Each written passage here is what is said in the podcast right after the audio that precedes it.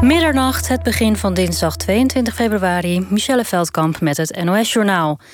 De Russische president Poetin stuurt militairen naar de regio's Donetsk en Luhansk in Oost-Oekraïne. Hij noemt het een vredesmissie en zegt dat de militairen daarheen gaan om de vrede te bewaren. Dat betekent dat Rusland militair actief wordt in Oekraïne. Eerder vanavond erkende hij de onafhankelijkheid van de zelfverklaarde volksrepublieken Donetsk en Luhansk. Dat deed hij in een lange televisietoespraak. Het is nog onduidelijk wanneer Rusland militair actief wordt in Oost-Oekraïne en hoe groot de omvang van de inzet zal worden. Op internet gaan beelden rond van militaire kolonnes die onderweg zouden zijn naar de regio. Rusland kan rekenen op zware sancties van het Westen als Russische troepen de grens overgaan en Oekraïne binnentrekken. De Europese Commissie zegt een pakket aan maatregelen te hebben klaar liggen. Maar welke maatregelen het precies zijn, is niet bekend. De Europese lidstaten moeten er nog mee instemmen. De Verenigde Staten hebben ook strafmaatregelen aangekondigd. Zo mogen Amerikanen geen zaken meer doen met Donetsk en Luhansk. Premier Rutte noemde de Russische president Poetin in het televisieprogramma Jinek in een eerste reactie totaal paranoia. De premier wilde niet ingaan op de vraag of dit een eerste stap naar oorlog is. We moeten eerst kijken wat dit precies is, zei hij. De Amerikaanse president Biden heeft gebeld met Zelensky, de president van Oekraïne. In dat gesprek benadrukte hij dat de VS Oekraïne steunt. De VS zullen snel en resoluut reageren op de Russische erkenning van de Volksrepublieken Donetsk en Luhansk. Biden zei daarbij samen op te trekken met bondgenoten en partners. Het weer, de wind neemt geleidelijk af en vanuit het noordwesten klaart het op. Vannacht ligt de temperatuur rond de 4 graden. Morgen is het eerst droog en zonnig. In de middag gaat het regenen en het wordt dan 8 tot 11 graden. Dit was het NOS Journaal. NPO, NPO Radio 1. VPRO. Nooit meer slapen.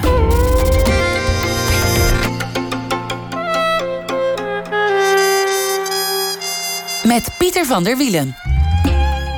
Goedenacht en welkom bij Nooit meer slapen. Mijn gast komend uur was de eerste vrouwelijke straatvoetballer die een personage werd in het computerspel FIFA.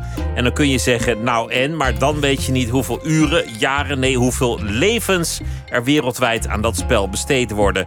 20 miljoen actieve spelers. Ik bedoel maar, Rocky Hebaya is hier. Zij was speler in Jong Oranje, is tegenwoordig vooral bekend als oprichter van Favela Street. En dat is een project dat zich uitstrekt inmiddels van de favela's in Rio de Janeiro tot Haiti, Curaçao, Amsterdam en binnenkort waarschijnlijk ook nog Sudan en Oeganda. Het doel van deze stichting rolmodellen kweken onder jongeren via de sport. Rocky Heabaya won meerdere onderscheidingen. Zo werd ze genomineerd voor de lijst van 20 werelds meest innovatieve vrouwen. En dat was uh, een gedeelde eer met uh, bijvoorbeeld uh, Michelle Obama. en Rocky werd geboren in 1984. Welkom, leuk dat je er bent. Ja, dankjewel. Wat is je eerste herinnering aan een bal eigenlijk? Um, ik denk dat die herinnering uh, samen met mijn vader was. Dus uh, ja, mijn vader uh, natuurlijk voetballer. En die, die, die, speelde bij een Molukse zaalvoetbalteam. Shobitas uit Haarlem. Dus ik weet nog dat ik ja, als jong meisje samen met mijn broer en mijn moeder natuurlijk eigenlijk overal naartoe werd meegesleept. En ik weet dat er iets met een sporthal was en met een bal. En dus dat begon al heel erg jong met het in ieder geval een soort van kruipen achter een bal. Hoe, hoe ver is je vader gekomen als, als voetballer? Nou, hij zou zeggen, uh, dan zeiden andere mensen wel eens van ja, je vader heeft best wel hoog gespeeld. En dan zei hij van ja, op de Koude Berg.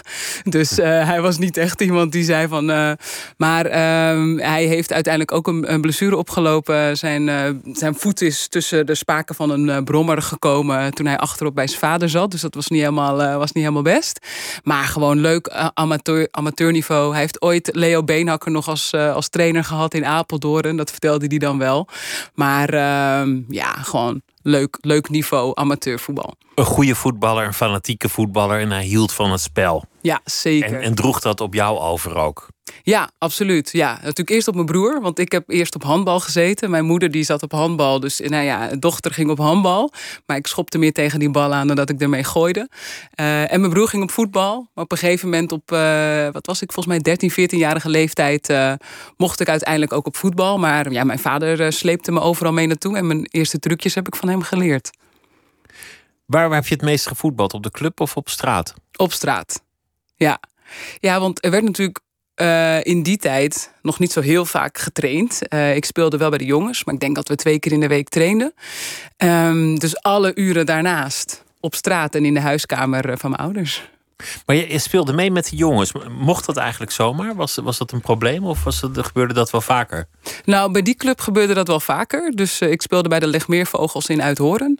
Uh, samen met Eva. Er was nog een uh, Elzana en Anouk, ene Anouk Hogendijk. Die speelde oh ja. daar ook nou, bij de jongens. Maar. En um, ja, nee, dus dat was eigenlijk best wel, dat was wel redelijk geaccepteerd. Alleen we hadden wel ook een trainer die, ik speelde toen, het heette er nog de C'tjes. En dat je de C en de C2. En ik zat dan in de C2. En we hadden wel een trainer die zei: uh, ja, we willen geen meiden in de C1. Want die, ja, die, die houden dan een andere positie van een jongen in. Uh, uh, ja, die nemen dat. Ja, dat is dan niet de bedoeling voor de groei van de jongen. moet die, dus je mag, je mag in de C2, maar je komt sowieso niet in de C1. Uh, dus dat, dat was dan wel. Ik snap dat hele argument eigenlijk niet. Nou, dat eigenlijk op het moment dat de, door de, doordat jij een plek bezet houdt in dat eerste team, dat jongensteam, uh, sta je eigenlijk de ontwikkeling van die jongen die op die plek zou kunnen staan in de weg. Dus ik snapte daar ook niet heel veel van. Maar dat is nog steeds wel een argument die je zo nu en dan wel eens hoort. Dat eigenlijk trainers zeggen. Want, want de jongen kan misschien wel een prof worden. En die vrouw die, die, die heeft dan een leuke hobby. En die staat dan de jongen in de weg. Dat is eigenlijk wat hij zegt. Oh ja, oké. Ik snap toch de redenering. Ik ben het er niet mee eens dan. Nee, maar goed. Ik was het er ook niet mee eens. Oh ja, maar dat, dat, dat zegt wel meteen iets over, over de positie van de vrouw in het voetbal. En, en, en zeker in die tijd. Ja, zeker. Het was. Um, um, ik denk dat voor de ontwikkeling als speler is het nog steeds uh, toch wel goed, omdat je dan fysiek. Uh, je, wordt, je wordt meer uitgedaagd als je bij jongens voetbalt en tegen jongens voetbalt. Maar ik werd wel veel blijer van uiteindelijk die overstap naar het meidenvoetbal, vrouwenvoetbal, waar ik omringd was door uh, vrouwen die, uh, ja, waar je samen mee ging strijden, dan dat je eigenlijk iedere keer voor jezelf moest strijden om te laten zien dat je de plek op dat veld ook uh, verdiende. En daar was ik op een gegeven moment elk weekend was ik daar wel klaar mee. De, de geluiden die je van de zijkanten van, de veld, van het veld hoort. Wat hoorde je dan? Ja, ik. Um, Um, ja, er zijn verschillende situaties. Maar wat me het meest is bijgebleven is dat een keer een vader van de tegenpartij heeft gevraagd of ik mijn broek naar beneden wilde trekken om te laten zien dat ik een meisje ben. Want dat geloofde hij niet. Ik had een hattrick gescoord in de eerste helft. Dus je was te goed, dus je kon geen meisje zijn, dus die broek moest naar beneden. Ja, laat maar zien dan. Um, gewoon om te kleineren, zeg maar. En dat, dat soort verhalen eigenlijk, maar ook binnen het veld natuurlijk. Uh, en uh, ja, van jongens die dingen tegen je zeggen. En dat, ja, dat is natuurlijk niet heel leuk. Zeker niet als je 14, 15 bent en nog best wel in een kwetsbare leeftijd zit. Soms denk ik, is voetbal eigenlijk wel een leuke uh, werkomgeving? ja, goede vraag. Ja, ik, ik denk, um, ik denk dat, dat, uh, dat je daar heel veel pech in kan hebben. Ja, ik had, ik had niet per se een hele leuke club- en jongenservaring. Maar als ik dan weer andere meiden spreek die bij jongens hebben gevoetbald, die zeggen dan weer nee, ik heb het, ik heb het eigenlijk heel leuk gehad bij de jongens. Dus als je bijvoorbeeld niet een team hebt wat jouw rug heeft in het veld, ja, dan. Um, dan maak je narigheid mee. Ja, precies. Ja. En, en ik vind ook, als je kijkt naar de cultuur binnen het vrouwenvoetbal, dan is die, vind ik, een stuk prettiger en inclusiever dan, uh, dan die van de mannen. Ik, ik had niet zo lang geleden Stanley Menso te gast. Fantastische man, fantastische voetballer. Die vertelde verhalen dat hij, dat hij soms gewoon echt uit de wedstrijd raakte. In de jaren negentig was dit. Om, omdat er gewoon de hele wedstrijd door bananen naar het doel werden gegooid. Apengeluiden werden gemaakt de, de, rotzooi die die man over zich heen heeft gekregen. Terwijl het gewoon een briljante keeper was. Ja, verschrikkelijk. verschrikkelijk. Ja, ik, ik, ik vraag me ook wel eens af, hè, waar, komt dat, waar komt dat vandaan? En als je dan kijkt naar, ik denk dat het de meest conservatieve sport is uh, die bestaat. Uh, met, de, met ontzettend heteronormatief natuurlijk. En je merkt ook dat nu dat daar een beetje een cultuurverandering in gaande is. Hè, dat mensen bepaalde onderwerpen bespreekbaar willen maken. Dat er meer ruimte is voor het vrouwenvoetbal. Dat de meest conservatieve mensen in die sport dat heel moeilijk vinden. Dat er aan de deur wordt geklopt. Um, maar zo'n cultuurverandering gaat met horten en stoten. Maar ik heb wel het idee dat, ik kijk dat puur vanuit de dat er eindelijk wat meer uh, ademruimte voor ons is uh, in die sport. Maar dat uh, heeft lang geduurd. Ja, want als de, de directeur van je club nog dikpik stuurt, dan, dan heb je nog een lange weg te gaan als vereniging, denk ik. Ja, ja nou absoluut. Ja, was, jij, was jij verbaasd van die verhalen eigenlijk? Nee, ik was niet, ik was niet verbaasd. Uh, omdat dat ik denk, zeker in de voetballerij, en wat ik net zeg, het is heel heteronormatief, uh, is het niet gek dat, uh, dat dit speelt op dat niveau. Dat hoort bij die cultuur. Dat is heteronormatief, het is conservatief. Jij kent dat, dus je dacht, ja, dit, dit cultuurtje, daar heb ik ook aan mogen snuffelen. Ja, ja, en daar werd ik niet blij van. Dus ik, ik, ik, ja, nogmaals, ik was heel blij dat ik richting dat vrouwenvoetbal kon gaan. Um, ja, omdat ik ook heel veel seksistische opmerkingen naar mijn hoofd heb gehad in die tijd, in dat mannenvoetbal. En ja, dat, dat wuif je weg. Uh, maar op het moment, tenminste, als je daar wat ouder bent, dan kun je daar wat beter uh, op reageren. Maar als je jonger bent, dan, ja, dan, dan is dat wel uh, moeilijker. Dan ben je daar veel kwetsbaarder voor. En racisme, heb je dat ook meegemaakt? Um, niet zozeer uh, op hetzelfde niveau als het seksisme. Dus ik heb wel eens wat uh, met racisme te maken gehad. Um, maar dat heeft mij dus blijkbaar minder geraakt. In, uh, in die zin was dat heel sporadisch, zeg maar. Ja. Is nog steeds te veel, maar. Ja, nee, het, het is nog steeds echt uh, te bizar. We speelden bij Terbeek, Amsterdamse zaalvoetbalclub. Uh, met ja, Surinaamse achtergrond. En we speelden met meiden met uh, Nederlands, uh, maar ook Molux, Surinaams, Antilliaans, alles eigenlijk in één team. En uh, ja, we speelden eigenlijk door het hele land. En dan ging, kwamen er wel eens oerwoudgeluiden inderdaad vanaf de tribune of scheidsrechters waar je echt voelde van ja, dit, dit klopt niet. Dat je werd benadeeld. Ja, ontzettend. Um, maar wat doe je daartegen? En dat maakt het zo frustrerend. Je kan daar niet zo heel veel tegen doen, omdat dat je altijd, als je iets tegen een scheidsrechter doet uh, of zegt, ja dan, ja, dan is natuurlijk de scheidsrechter heeft altijd gelijk. Dit heeft je allemaal niet bij, bij de bal weg kunnen houden. Nee. Mag ik uh, concluderen? Nee, nee. Wat, wat was dat? Waar, waarom die liefde voor de bal zo groot was dat je, dat je ook de, de werkomgeving wilde trotseren?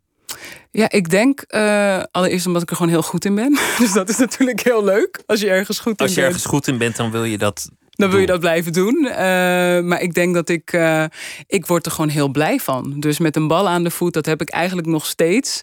Als ik uh, iets met een bal mag doen. het, het, maakt me heel blij. Het is je uitlaatklep.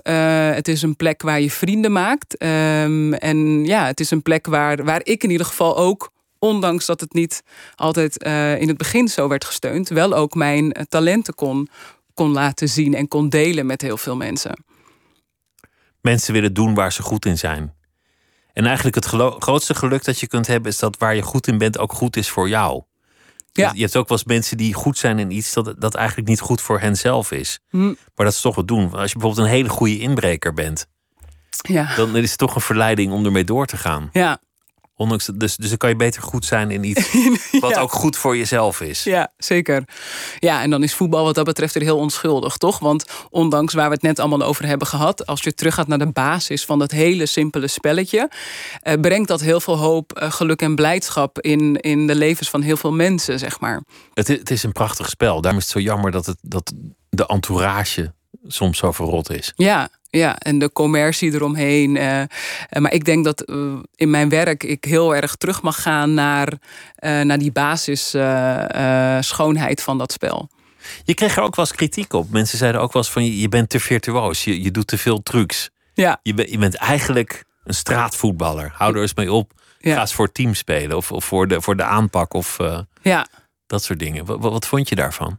Ja, dat vond ik heel moeilijk, omdat um, dat was mijn manier van spelen. En uh, als je als straatvoetballer of technische voetballer wordt bestempeld, uh, kijk naar iemand als Neymar, uh, waar natuurlijk ook een mooie documentaire nu over te zien is, is daar hangt meteen een heel uh, ja, stereotype omheen, zeg maar. Dus dan ben je vaak een egocentrische speler.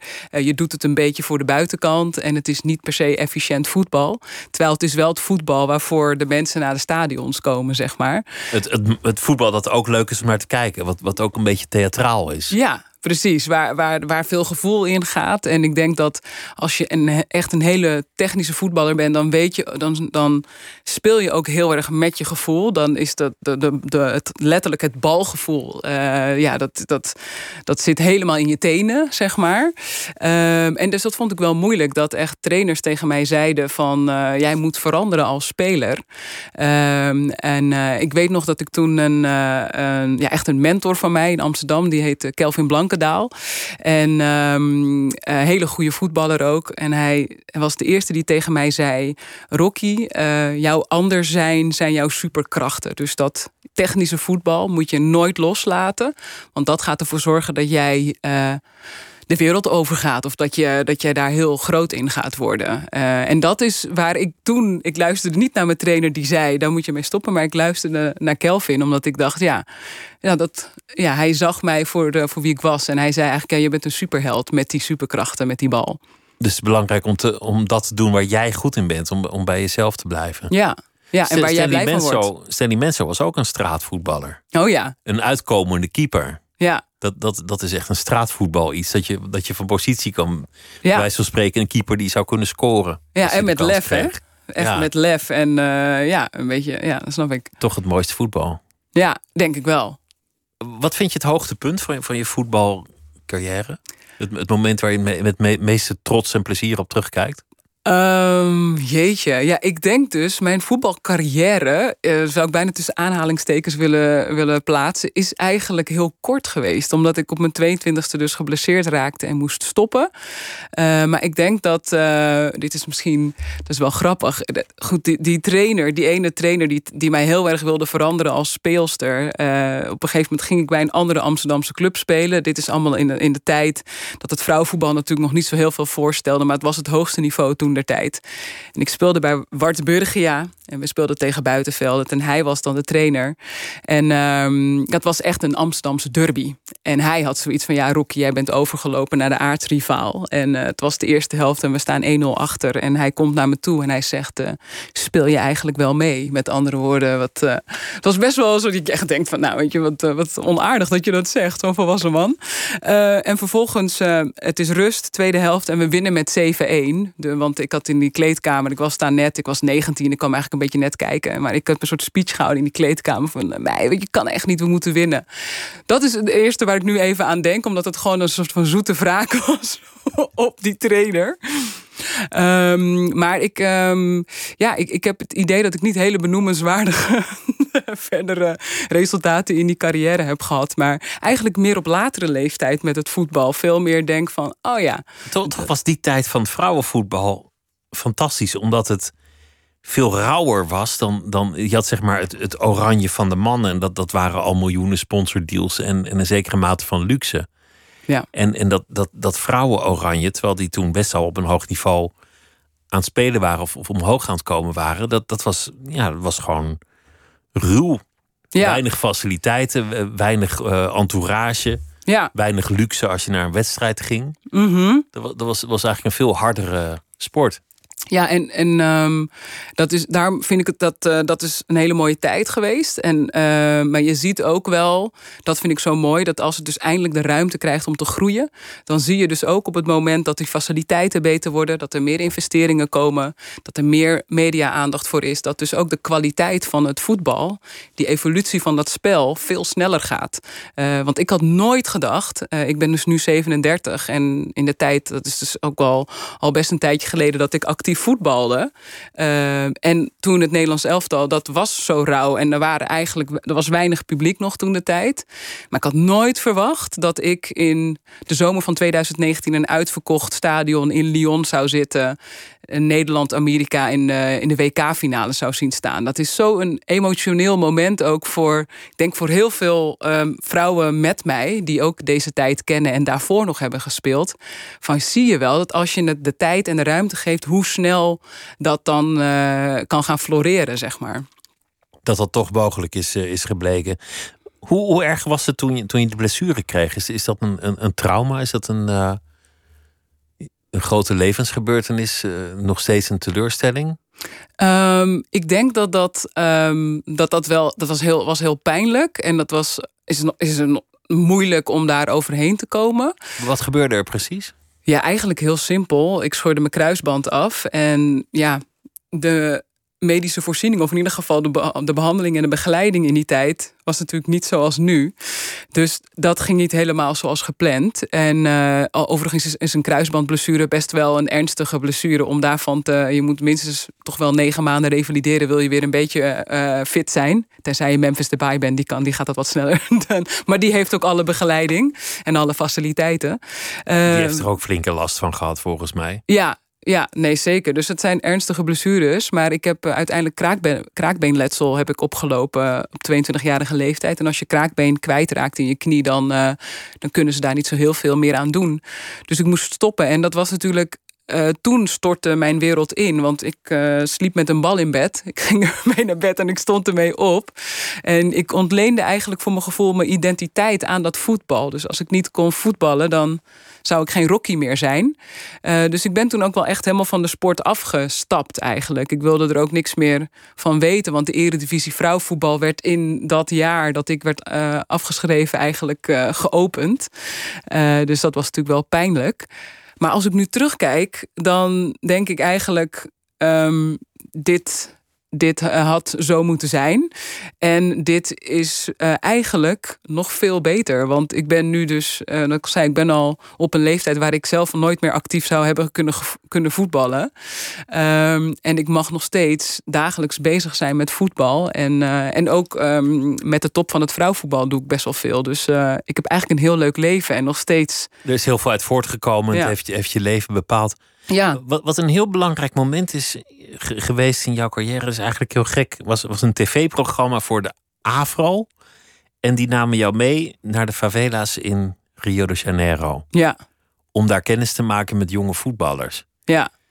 Dat, dat, is, dat is eigenlijk best wel gek dat de Afro je meeneemt naar, naar een van de gevaarlijkste wijken van de wereld. Wat, ja, dat vonden mijn ouders, vonden mijn ouders ja. ook best wel gek. Dus dat was, um, ja, er werd inderdaad, een, dat heette Dubbelklik, dat programma. En ik was 18 jaar. En uh, er werd eigenlijk gezegd van, we gaan een programma maken. En je gaat naar Brazilië toe. Iets met voetbal en andere meiden. En ik dacht alleen maar, daar moet ik bij zijn. Dat wil ik meemaken. En uiteindelijk word ik dus uitgekozen en uh, ben ik een week lang in Bangu, in de favelas van Bangu, in de buurt van Rio. En uh, ja, dat, dat was zo bijzonder dat je daar uh, het gevoel wat ik daar had, want ik had heel veel heimwee, ik vond het heel eng. Ik was 18 en ik ging voor het eerst alleen zonder mijn ouders op reis. Ik ben een enorm moederskindje, dus ik, was, ik vond het heel eng en spannend. En ik stapte het vliegtuig uit. En ik was misselijk, ik moest overgeven. Ik vond het hartstikke eng. En toen stond ik op, de, op de Copacabana een balletje hoog te houden. Want ik nou, en toen kwamen er allemaal Brazilianen mee voetballen. En toen is die week echt voorbij gevlogen. Want toen zijn we vanuit die Copacabana dus echt die wijk ingestapt... naar de favela's waar van alles en nog wat over werd gezegd. Hoe verschrikkelijk het daar wel niet was en hoe eng en gevaarlijk. En het enige wat ik daar zag was gewoon uh, ja, heel veel... Um, ja, hele lieve, fijne mensen die ons heel erg welkom heten. En uh, waar ik de hele dag kon voetballen met een frisdrankje in mijn hand. En ja, er liepen wel jongens op teenslippers met wapens rond. Dat was gek. Maar ja, niemand anders rende daarvoor weg. Dus ik dacht, dat zal wel oké zijn. Als die mensen dit oké vinden, dan vind ik dat ook oké. En dan gaan we gewoon lekker met z'n allen voetballen. Wat, wat een wonderlijk verhaal wat je vertelt. Ik ben wel eens in Rio geweest. En vanaf het moment dat je landt, begint iedereen eigenlijk je aan te spreken op alles wat met veiligheid te maken heeft dit moet je niet doen, dat moet je niet doen, daar moet je niet heen, daar alleen ja. voor donker. Ja. Uh, ga je echt die schoenen aanhouden? Want dat zijn best mooie schoenen. Het waren echt gewoon gymschoenen. En daar kan je wel voor overvallen worden. Mocht je overvallen worden, meteen alles afgeven. Want als het te lang duurt, dan, uh, dan kan het wel eens fataal worden. Ja. Heftig, ga hè? zeker nooit naar de favela. Dat zegt iedereen er ook altijd Dan moet je bij. met een hele, hele, hele grote boog omheen. Ja. En, en, jij komt daar en je laat je niet afschrikken door jongens met wapens. En je zegt, het, het was er eigenlijk wel leuk. Ja, het was er. Uh, dat, en dat was eigenlijk ook een van, van de eerste momenten als je terugkijkt. Dat je dus realiseert van, oh ja, er wordt een soort plaatje voorgehouden van dit zijn, zo zijn deze mensen die op deze plekken wonen. Dus daar moet je met een hele grote boog omheen. En um, door die voetbal uh, kan ik dat eigenlijk dat plaatje loslaten. Want ja, ik paas de bal naar jou, ik krijg hem terug en we hebben een connectie gemaakt en we gaan lekker met elkaar spelen. Dus En voetbal is immens belangrijk in Brazilië. ja, het is gewoon een religie. Dus het is, daarom wilde ik daar ook heel graag naartoe natuurlijk. Omdat ik wel wist dat dat het land van het voetbal eh, was. En ehm, ja, kom daar eigenlijk op die manier achter zo van dat je dus heel goed die connectie kan maken met mensen, met die bal. En erachter komt dat dat ook gewoon mensen zijn die er het beste van proberen te maken. Maar dat de hele wereld, de maatschappijen waar zij in opgroeien, ervoor zorgt dat ze soms keuzes moeten maken waar ze zelf ook niet altijd heel blij of gelukkig van, van worden. En uh, ja, dat, dat, um, dat heeft allemaal natuurlijk te maken met die sociale uitsluiting en uh, ja, dat hele fenomeen. Want, want jullie komen aanrijden in, in een soort Suzuki-busje gehuurd door de Afro. en dan, als jullie die wijk inrijden, liggen daar twee betonnen rioolpijpen dwars op de weg. Ja. En dan is er iemand die, die kijkt even van: oké, wie zijn dat? En die rolt dan die twee rioolpijpen weg en weer terug. Dus best wel, wordt, wordt in die reportage helemaal niet zo heel erg uitgelegd wat daar gebeurt. Maar volgens mij is dat gewoon om de politie weg te houden. Ja, klopt. Of misschien om, om andere gangs uit een andere buurt weg te houden. Dat zou ook kunnen, maar... Het is in ieder geval een roadblock. Het is een roadblock. Dus Ja. iemand bepaalt daar wie de wijk inkomt en wie de wijk niet inkomt. Ja. Dat, dat vond, ik al, vond ik al eigenlijk een best groot signaal dat het niet je, je standaard eh, Phoenix-locatie is. Nee, klopt. En dan terugdenkend is het eigenlijk ook wel bijzonder dat de AFRO dat inderdaad aangaat. Hè? Dat hij daar jongeren naartoe stuurt van nou ga er maar naartoe. Ehm, maar dat was, ehm, dat maakte het ook wel weer heel gek. Want wat ik net zeg, van, eh, dat hadden wij door. Hè? Er werd ook van alles gezegd. Van je moet wel bepaalde dingen letten. Maar ehm, het enige moment dat ik daar een beetje bang ben geweest... was het moment dat de politie eraan kwam. Dus wij werden gebeld, er werd gezegd er komt een inval van de politie. En toen moesten wij als een gek dat Suzuki-busje in en die wijk uit. En toen werden we vlak buiten die wijk opgevangen door een uh, groep politieagenten. En die waar stonden echt met getrokken wapen om ons busje heen. En die tolk die was helemaal aan het shaken in het busje. En die zegt tegen die cameraman die die grote camera op zijn schoot had... die moet je heel rustig op de grond leggen... want anders denken ze misschien dat het een wapen is of zo. En toen schoot er wel door mijn hoofd van... oh ja, zo'n krantenkop, weet je wel, Nederlandse filmploeg, uh, whatever... Maar dat was gewoon, dat, uh, dat was het, enige moment dat ik dacht... oeh, wacht even, dit is niet heel relaxed. Want als die politie niet weet wie wij zijn... dan hoeft er maar iets te gebeuren en, uh, en er wordt geschoten. Want dat is gewoon hoe de politie daar werkt.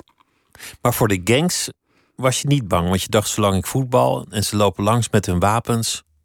dan komt het wel goed. Dan ja. is er een vorm van, van contact. Het is, natuurlijk wist ik dat toen nog niet, maar um, het, het, is, het is onderdeel van die community. En, en uh, zij hebben toestemming gegeven om, om daar binnen te zijn.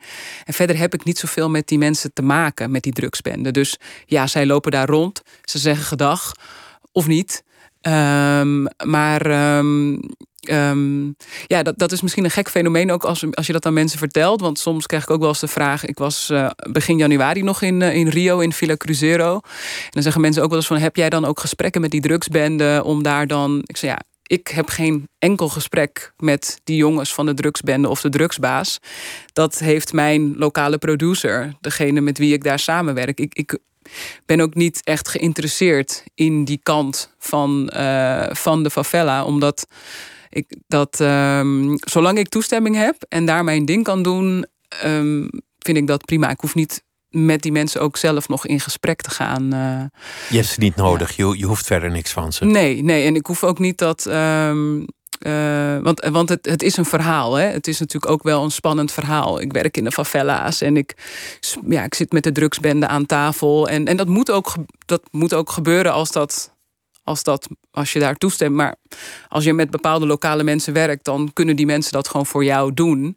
Uh, en dan hoef ik niet per se daar uh, aan tafel te zitten. En dan hoeft mijn focus ook niet heel erg daarop te zitten. Op het drugsbendegeweld en wat daar allemaal gebeurt. Ga ik liever kijken naar de positieve dingen in de wijk. En wat jij, wat jij daar kan, kan doen. Jij bent uh, half van Molukse afkomst. Word je daar wel voor een Braziliaanse aangezien? Dat zou, zou net wel, net niet kunnen? Ja, als ik, ehm, als ik daar ben, dan kunnen ze in principe aan de kleding wel zien dat je niet Braziliaans bent. Dus bepaald soort sneakers inderdaad, of bepaald soort kleding. Maar als ik dan, dus als ik in de favela zelf ben, weet men gewoon dat is Rocky. Uh, uit Nederland. Maar als ik in de Zona Sul loop, in de Copacabana of bij Ipanema, de, die, die uh, plekken, en ik, uh, ik spreek Portugees, dan word ik voor Braziliaanse aangezien, ja. Dus dat is wel handig. Wat heb je daar ontdekt? Wat, wat was eigenlijk het inzicht dat je opdeed toen je voor het eerst ging voetballen met, met jongeren in, in zo'n favela? Wat, wat, wat was het inzicht dat het je bracht? Ja, ik denk dan toch weer dat stukje uh, blijdschap, zeg maar. Daar met elkaar zijn op een plek waar mensen dus uh, dagelijks te maken hebben met allerlei ellende. Uh, maar dan toch nog zoveel levensvreugde hebben. En zin hebben in het leven. En dat zin hebben om te delen met andere mensen. En, uh, en niet verbitterd zijn met alle ellendige dingen die ze meemaken in hun leven. Of de positie waar ze in zitten, omdat ze toevallig op die plek zijn geboren. Um, dus ik voelde vooral heel erg die verbinding ook met die, met die mensen. En uh, ja, het was heel aanstekelijk, die levensvreugde. Want ik wilde na die eerste Rio-shot die ik had gekregen, wilde ik alleen maar terug. En dat, dat is gebeurd, want je spreekt inmiddels Portugees, je komt er zeer geregeld en je hebt die stichting uh, ben je begonnen. Wat, wat, wat, is de, wat is de gedachte geweest toen je, toen je met dat project begon in een meer definitieve vorm? Ja, het was. Um, ik, ben, ik heb het samen met een vriend opgezet, Philip Veldhuis. Dus hij was daar al uh, actief in die wijken. En um, ja, wat wij daar ik denk als ik dan voor mezelf blijf spreken, was het voor mij iets om de cirkel rond te maken. Ik moest en zou een keer teruggaan naar Rio om toch die droom die ik toen had in 2003 waar te gaan maken. Of dat nu mijn baan zou gaan worden. Ik werkte bij Youngworks communicatiebureau in Amsterdam en ik had gewoon drie maanden onbetaald verlof. Ik dacht prima, ik ga daarheen. En ik kom weer terug. Maar um, het idee was eigenlijk om daar jonge meiden um, op te leiden tot sportcoach. Want uh, ja, de faciliteiten in die wijken, jongeren uh, gewoon wekelijks laten sporten. Dat was eigenlijk het hele simpele idee. Als dat wij ze daarvoor kunnen opleiden. Als we daar wat faciliteiten voor kunnen verzorgen en wie weet een lokale sponsor aan kunnen koppelen, zodat ze daar ook betaald voor krijgen. Dan als wij straks weer vertrekken, dan kunnen we iets achterlaten wat zelfstandig door blijft draaien. En um, nou, dat is heel goed gelukt, want die activiteit die staat er nog steeds. En die is eigenlijk omarmd door een Engelse uh, organisatie, Street Child United. En um, ja, die betalen de coaches die wij ooit in 2014 uh, hebben opgeleid. En daar was ik dus afgelopen januari weer. En is het wel heel tof om te zien dat dat zelfstandig staat. En dat dat ja, veel verder is ontwikkeld. Waar wij zelf niet zoveel veel meer mee te maken hebben. Maar die connectie die band is, is heel sterk met die meiden uh, van 2014. Dit is, dit is wat, wat jullie doen inmiddels in, in Amsterdam, in, een, in een paar wijken. Curaçao, Haiti. Uh, je bent bezig met, met uh, Oeganda en Sudan om te kijken of daar iets, iets voor jullie mogelijk is. Mm -hmm. en, en de gedachte is dat als je iemand aan het sporten krijgt, dat, dat je veel meer gedaan krijgt ja. binnen, binnen iemands persoon. Ja, ja, het is eigenlijk sterker nog, we gebruiken de sport een beetje als lokmiddel. Dus het straatvoetbal, uh, de persoon uh, die ik dan ook een beetje ben, maar ook het team met wie ik samenwerk. Ik werk onder andere met Huda Lukili, voormalig Nederlands kampioen kickboxer. Dat, dat, dat zegt wat, zeg maar, bij jongeren ook en bepaalde doelgroepen. En um, dus we lokken ze eigenlijk met die sport, het straatvoetbal, het kickboksen. Um, en vervolgens gaan we eigenlijk een heel traject van persoonlijke ontwikkeling door. Uh, dus we hebben door de jaren heen echt een methodiek ontwikkeld die ge, ja, gespecialiseerd of gefocust is op zelfregulatie en uh, sportpsychologie. Dat hebben we samen met Laura Jonker gedaan, die is daarop op gepromoveerd. Um, omdat we het belangrijk vonden, omdat dat wat we doen. Um, ja, natuurlijk veel verder te brengen dan die sportcoach op dat pleintje. Wat heel belangrijk en, en goed is. Maar ik ben ook heel erg benieuwd naar jouw andere ambities en doelen. En hoe kunnen we ervoor zorgen dat we um, ja, mede uh, door de sport jou wat stapjes hoger op die maatschappelijke ladder gaan krijgen. En wat, wat is zelfregulatie? Is, is dat discipline? Ja, dat is eigenlijk um, heel erg die insteek vanuit de persoonlijke ontwikkeling. Hoe ontwikkel je jezelf? Bewust daarmee bezig zijn. Um, ja, waar wil je naartoe? Heel erg dat inderdaad, die, uh, echt die persoonlijke ontwikkeling omarmen. En daar beter controle over, uh, over krijgen. Zie je dat het, dat het werkt? Heb je, heb je dat waargenomen, dat het effect heeft op mensen? Ja, absoluut. Ja. En dat is ook uh, mijn eh, benzine om door te blijven gaan. Want uh, ja, het, is, het, is, het is hard werken. En um, wat je ziet echt is dat op het moment dat je die jongeren, net als in die favela's, in die, het, het, eigenlijk werkt het concept overal hetzelfde. Want als je als jongere in de spiegel kijkt en denkt ja, ik, ik, ik weet eigenlijk niet zo goed uh, uh, wie ik ben of wat ik kan. Omdat er vanuit de omgeving eigenlijk te vaak wordt gezegd en op jou wordt geprojecteerd wat je niet kan. En je dat internaliseert en je zelfbeeld daarvan bouwt. Uh, op het moment dat je die klei die we in de oren stoppen bij anderen positief kan beïnvloeden. En dat je in de spiegel kan kijken en kan denken: ik ben iemand en ik kan iets. Dan sta je met een hele andere energie in het leven. En dat begint alleen al bij gewoon persoonlijke aandacht. Ik zie jou en ik, ik luister naar jou en ik ben benieuwd naar wie je bent. Dus mensen trots laten zijn op ja. wie ze zijn, zelfvertrouwen kweken, ja. discipline. En je gebruikt de sport gewoon als een ingang om, om ze ja om ze bij je project te krijgen. Ja, want, want dat is bijvoorbeeld heel grappig dat je dus, een, om een voorbeeld te noemen, Stephanie Passial uh, uit Curaçao. Een, uh, ja, een Curaçaose vrouw van 26. Um, ehm, die leerde ik kennen drie jaar geleden. En ik dacht echt, uh, zo, ja, het is wel een pittige, pittige vrouw.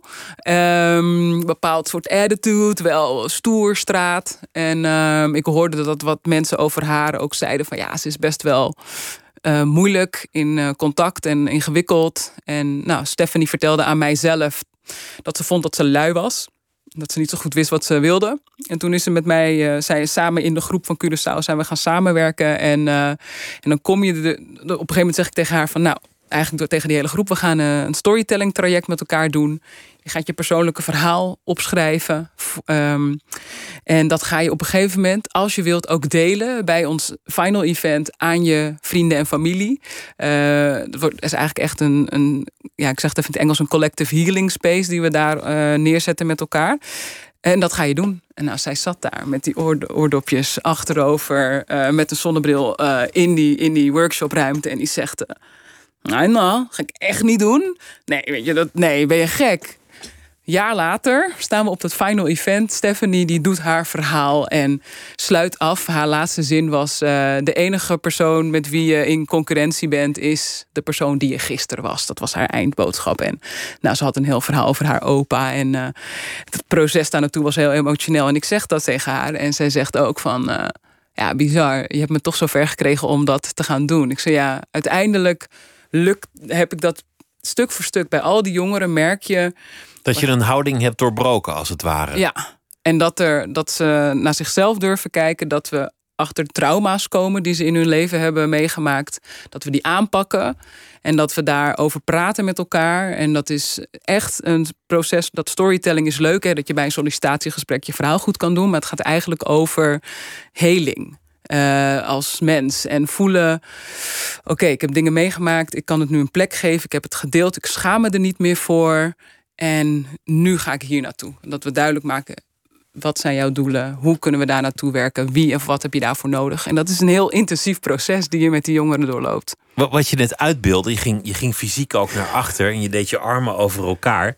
Zo'n cynisch afwerende houding, dat is ook iets waar je goed in kunt worden. Ja. Dat, is, dat is nou weer zo'n voorbeeld van iets waar je goed mm. in bent dat niet goed is voor jou. Maar op een gegeven moment is dat een pose die je misschien heel lekker is gaan liggen. En ook al, ook al is een obstakel in je, in je bestaan geworden. Je zult het blijven doen omdat je er goed in bent. Ja. Tot iets of iemand het voor je doorbreekt. Ja. En, dat kan je misschien met sport bewerkstelligen. Absoluut, want dat is, dat is even die ingang. Ik, ik kom niet met: hallo, nou, we gaan een persoonlijk ontwikkelingsprogramma doen, want we gaan ervoor zorgen dat je meer zelfvertrouwen krijgt. Ja, dat, dan denkt die jongen ook, ja, uh, zoek het lekker uit.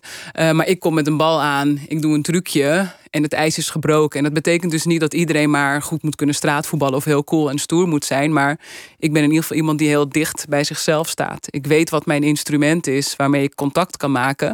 En als ik dat inzet, kan ik veel verder gaan dan alleen maar dat balletje met jou trappen.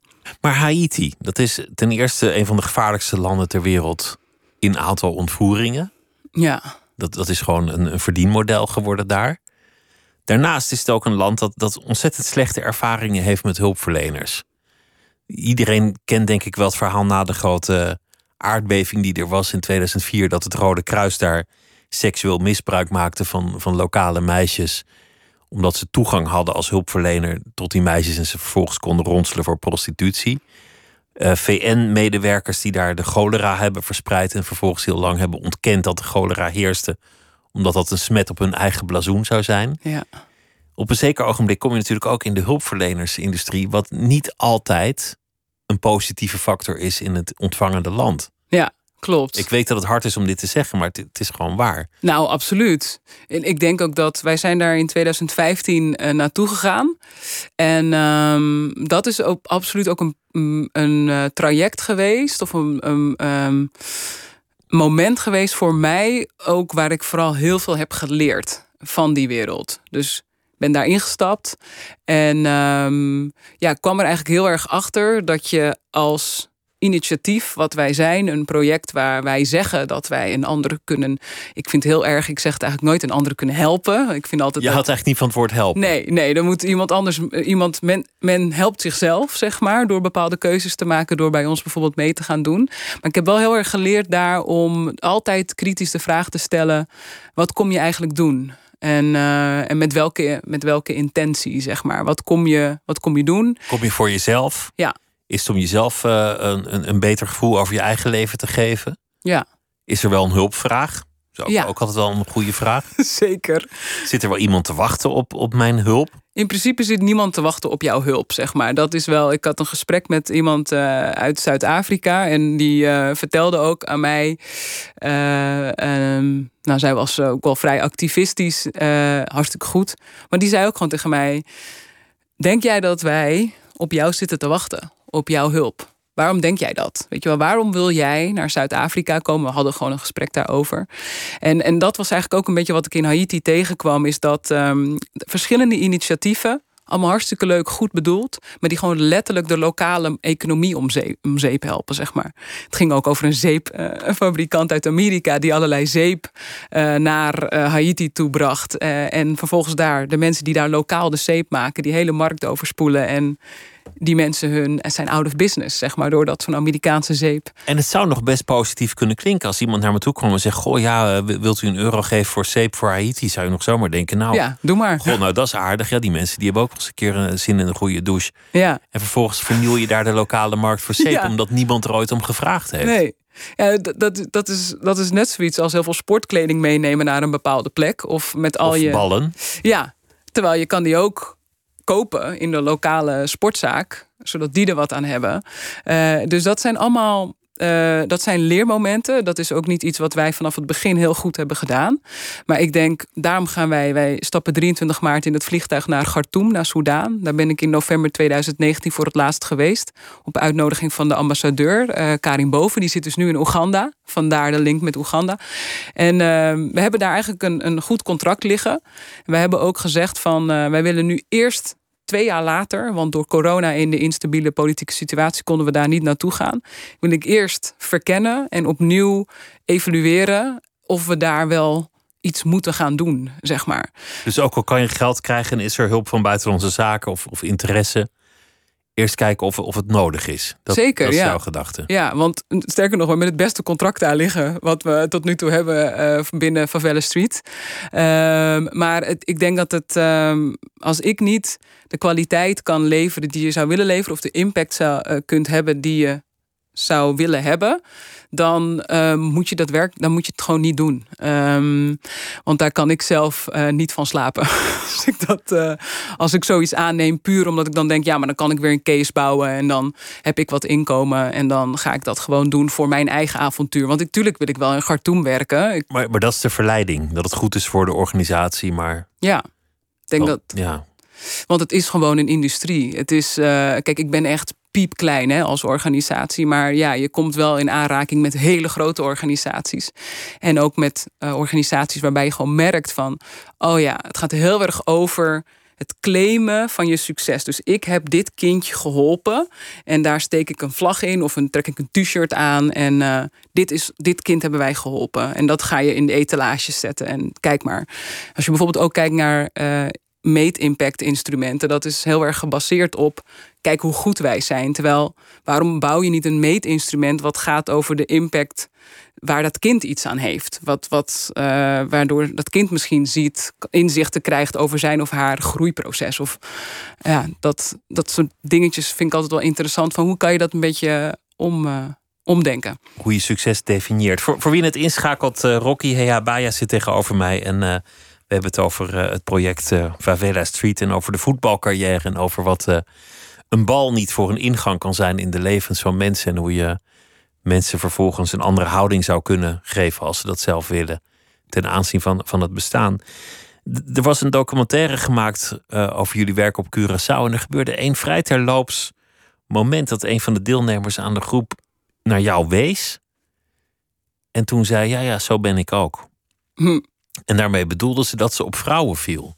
Ja. En, de, en dat was een, was een heel grote bekentenis. En had ze verder eigenlijk volgens mij aan niemand verteld. Het dan zo, zo leek het in die film. En op deze terloopse manier zei ze dat ineens met, met best wel veel trots. Ja. Dat, dat vond, vond ik een prachtig moment. Ja, ik ook. Ja.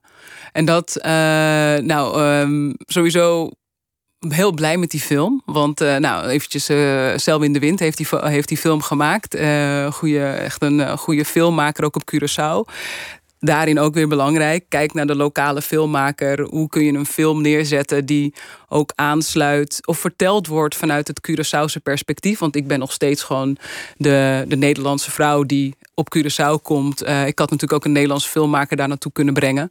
Uh, maar ik kende Selwin en hij, um, hem vertrouwde ik ook met dat verhaal. Om dat op een uh, ja, mooie manier te kunnen vertellen. En Stephanie dat is eigenlijk Stephanie dus, die dat zei. En, um, Stephanie was eigenlijk autospuiter van beroep, geloof ik. Ja, ja, dat wilde ze en dat, dat, dat lukte niet. Ze konden geen baan in krijgen. Nu wil ze chauffeur uh, worden.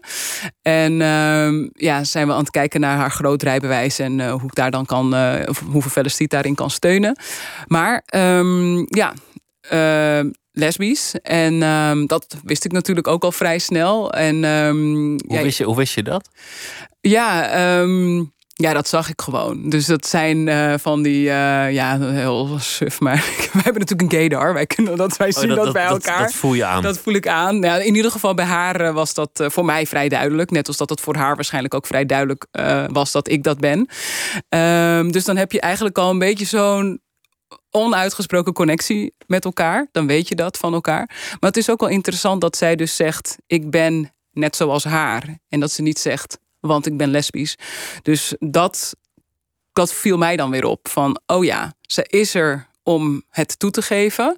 En we hebben ook met haar echt gedubbelcheckt. Vind je dit oké? Dit zit in de film. Ze, ging, ze heeft het mij ook zelf verteld toen ze dat interview met Selwyn had gehad. Zei ze van, ja, hij ging vragen naar mijn seksuele geaardheid. En daar heb ik toen over verteld. En dan was er best wel een soort van, inderdaad, oh, ik heb het gedaan. Toch, toch een soort coming out. Zeker, ja. Want ik zei ook, deze film gaan we op Curaçao laten zien. Hè? We gaan het uh, ben je daar helemaal oké mee? Nee, daar was ze echt helemaal oké okay mee. Um, maar daar zit nog steeds wel een klein stukje schaamte in natuurlijk. Het daadwerkelijk zeggen, ik ben lesbisch, dat is nog wel, uh, dat is weer een volgende stap. Maar zoals in die film zei, zat er trots. Ja, ja. Was, was het uitgesproken? Ja, het was. En dan, dan is dat ook voldoende hoor, op dat moment. Uh, maar ergens viel mij dat dus wel weer op dat ik dacht: oh ja, dat. Maar um, ja, ik denk ook dat zij. Uh, dat je dus ook ziet dat zij een hele trotse vrouw is. En, uh, maar dat, daar zat wel een, uh, een laagje stof overheen, zeg maar.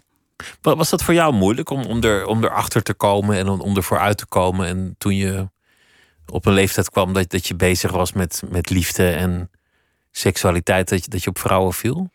Was, was dat meteen duidelijk en meteen, uh, meteen helder? Nou, het was niet meteen helder en duidelijk. Terugkijken denk ik, ja, je, ja, je wist het wel een beetje. Um, en of dat moeilijk was, ik denk dat dat. Um, Nou, spreek, laat ik voor mezelf spreken. Ik vond het wel ingewikkeld in het begin. Want uh, ja, het is niet de norm. Dus um, ondanks dat ik een hele fijne coming out had, omdat ik uh, binnen het vrouwenvoetbal zat en uh, veel van mijn vriendinnen ook uh, lesbisch zijn, was dat heel fijn. Maar om dan vervolgens thuis die coming out te doen, dat vond ik heel spannend en best wel eng. En ook op je werk helemaal in het begin dat je twintig bent en dat je een baan hebt en dat je dan, gaat het over, oh heb je een vriendje en dan echt zo, eh, en dan ga je daar misschien een beetje over zitten liegen, want je denkt, oh ja, om dan maar van het gesprek af te zijn. Um, dus ik heb wel daar, ja, daar heb ik wel tijd voor nodig gehad om te accepteren, oké, ik ben anders. Uh, um, maar dus dat heeft een beetje twee kanten weer. Het was en heel prettig en fijn, want er was heel veel herkenning. En ik zat in Amsterdam. Dus ja, dat, dat scheelt wel met uitgaan en mensen leren kennen. Maar aan de andere kant toch ook wel weer, is toch nog wel een stukje schaamte. Hoe heb je dat overwonnen? Wat was het moment dat je, dat je het zeker wist? Of waar, waar wacht je dan eigenlijk op? Oeh, ja, dat. Um, um, jeetje, ik heb niet een moment waarvan ik nou zeg van toen wist ik dat wel. Maar ik denk wel dat ik een beetje zo 25 jaar was. Dat je een beetje in je eerste serieuze relatie zit. Dat de mensen dat je dat dat je het uitspreekt. Dat je het gewoon zegt en dat je niet na hoeft te denken. Oh ja, uh, ik heb een uh, partner. Nee, dat je, ik denk dat dat een beetje rond de leeftijd van 25 was, maar ik weet even niet precies. Maar ik denk dat dat een beetje in die eerste serieuze relatie uh, was. Dus met, met, met, de liefde komt er dan ook gewoon, ja, daar volgt dan uit hoe, hoe dat zit. Het is best wel, best wel veel in, in jouw jonge jaren wat eigenlijk gaat over een norm. Ja. Van, van een, een, een meisje in een jongensteam. En uh, toch, toch ook een klein beetje over kleur. Ook al zei van nou, het viel wel mee, maar toch, toch ook wel eens een opmerking over geweest. En dan, dan gaat het weer over. over uh, nou ja, bij het, bij het voetbal was dat dan weer oké. maar op kantoor was het een beetje eng van, van op wie je precies valt. Eigenlijk best wel veel over de vraag van mag je wel zijn wie je wil zijn? Ja. Ja. Als thema. Ja, zeker. Ik, ik denk ook dat dat uh, wel de de onderliggende reden is waarom je uh, doet wat je doet. Omdat je weet dat op het moment dat er anders naar je wordt gekeken, ja, hoe, kijk je, hoe kijk je dan naar jezelf? Hoe kijk je dan in de spiegel? En op het moment dat je niet mensen om je heen hebt of hebt kunnen verzamelen die daar uh, wat positiever licht op schijnen, dan wordt dat heel moeilijk. Want um, ik was heel onzeker, heel verlegen uh, en altijd sorry en overal echt uh, probeer mezelf zo klein mogelijk te maken. Dat is lastig als je 1,91 bent. maar doordat ik een bepaalde reis heb kunnen maken in mijn leven, of in ieder geval mensen om me heen heb gehad die mij anders in de spiegel hebben laten kijken ben ik nu op een plek, heb ik zoveel meer uit mijn leven kunnen halen, zeg maar. Um, en denk ik ook als ik kijk naar waar mijn ouders vandaan komen, dat ik. Um, uh, ik heb mijn eigen bedrijf op kunnen zetten. Ik ben succesvol in het werk wat ik doe. Ik, heb heel veel heel veel, ik ben heel gelukkig, heel blij.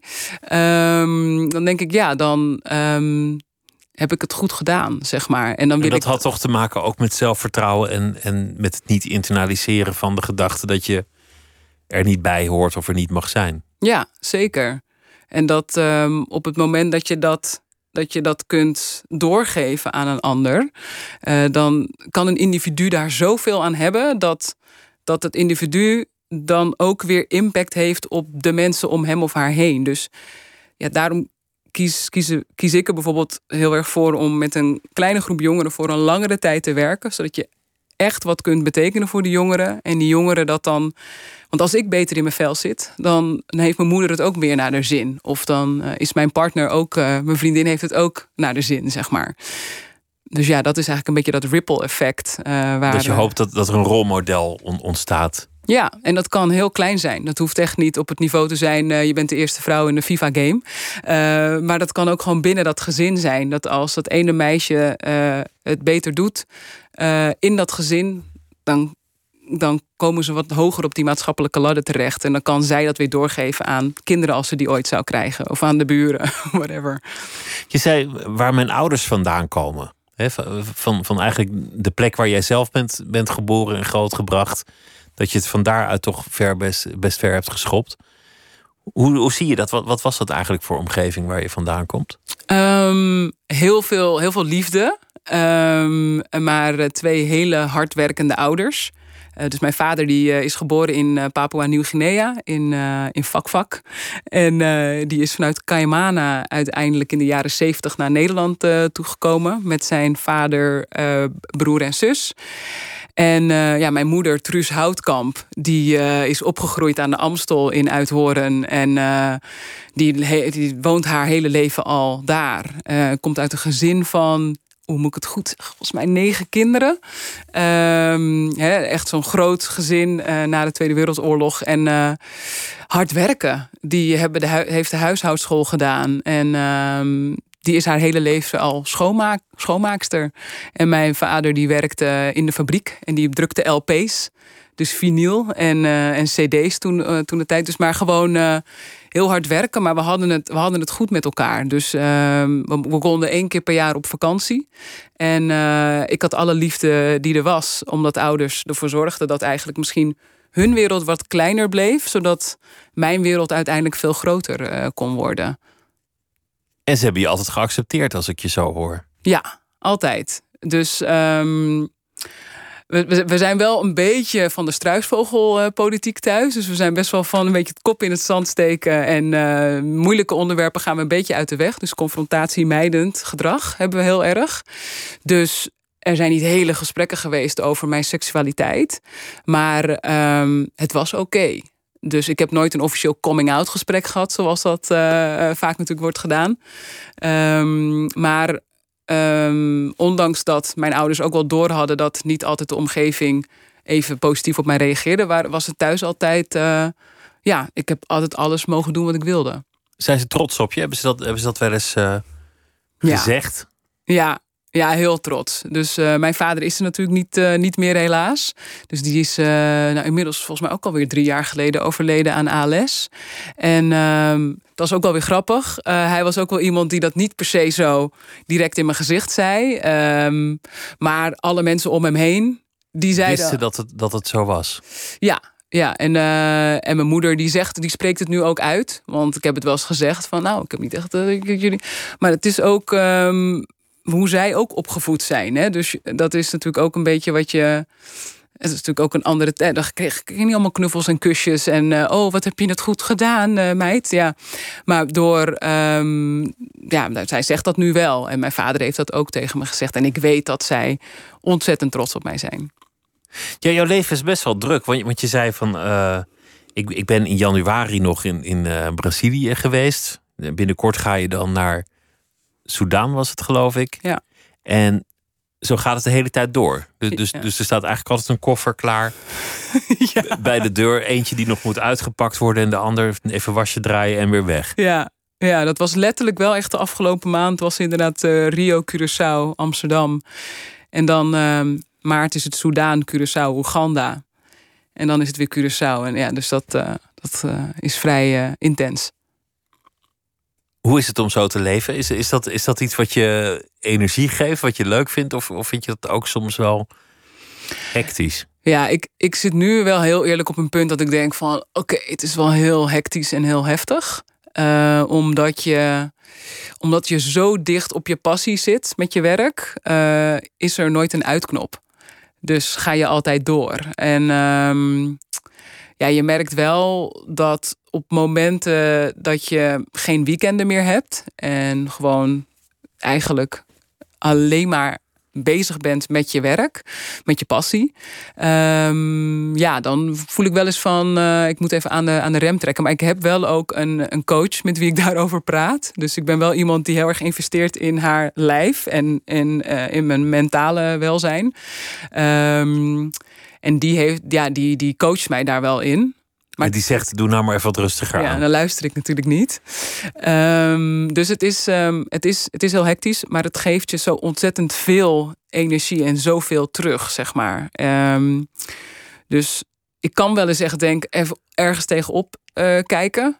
Oké, ik moet weer seizoen 2 in Curaçao gaan draaien. Moet ik dan weer. Maar dan gebeurt er weer iets waardoor ik zoveel energie krijg dat ik dan ga ik weer. Ik ben een soort Tasmanian devil die gewoon door blijft uh, draaien. Um, maar het is wel oppassen. Uh, maar ik denk dat ik, omdat ik zoveel soort van, ik weet niet waar ik die energie vandaan haal, maar het blijft maar doorgaan. En wat, wat zijn die momenten van voldoening? Um, ja, echt, uh, poeh, dat kan hem in hele kleine dingetjes zitten. En dat is eigenlijk op het moment dat, dat je, als ik samen ben met die jongeren en uh, we, zijn, we zijn er gewoon weer met elkaar. En als je twee jaar lang met een groep werkt en ze zijn nog steeds dedicated bij jou aanwezig um, en ze doen mee, ze zijn er, ze komen opdagen. Uh, ik kan met ze aan de slag, dan uh, word ik daar heel blij van. En natuurlijk hun hele groeiproces. Maar gewoon, het is ook heel gezellig hè, met jongeren. Gewoon bij elkaar. Het houdt je heel jong van geest. Um, maar je mag eigenlijk iedere keer mag je heel veel verschillende mensen leren kennen. Die allemaal een heel tof verhaal hebben. En misschien ook wel een, uh, ja, een niet zo heel leuk verhaal. Maar je mag in culturen stappen, je mag een taal leren, je mag een historische context van een land ontdenken. Dat maak je allemaal mee. Ja. Dank dat je te gast wilde zijn. Het was een uh, genoeg om naar je te luisteren. Rocky Heabaya, dankjewel. Dit was Nooit meer slapen. Tot morgen. Zometeen Misha. NPO Radio 1. Wie luistert, weet meer. NPO Radio 1.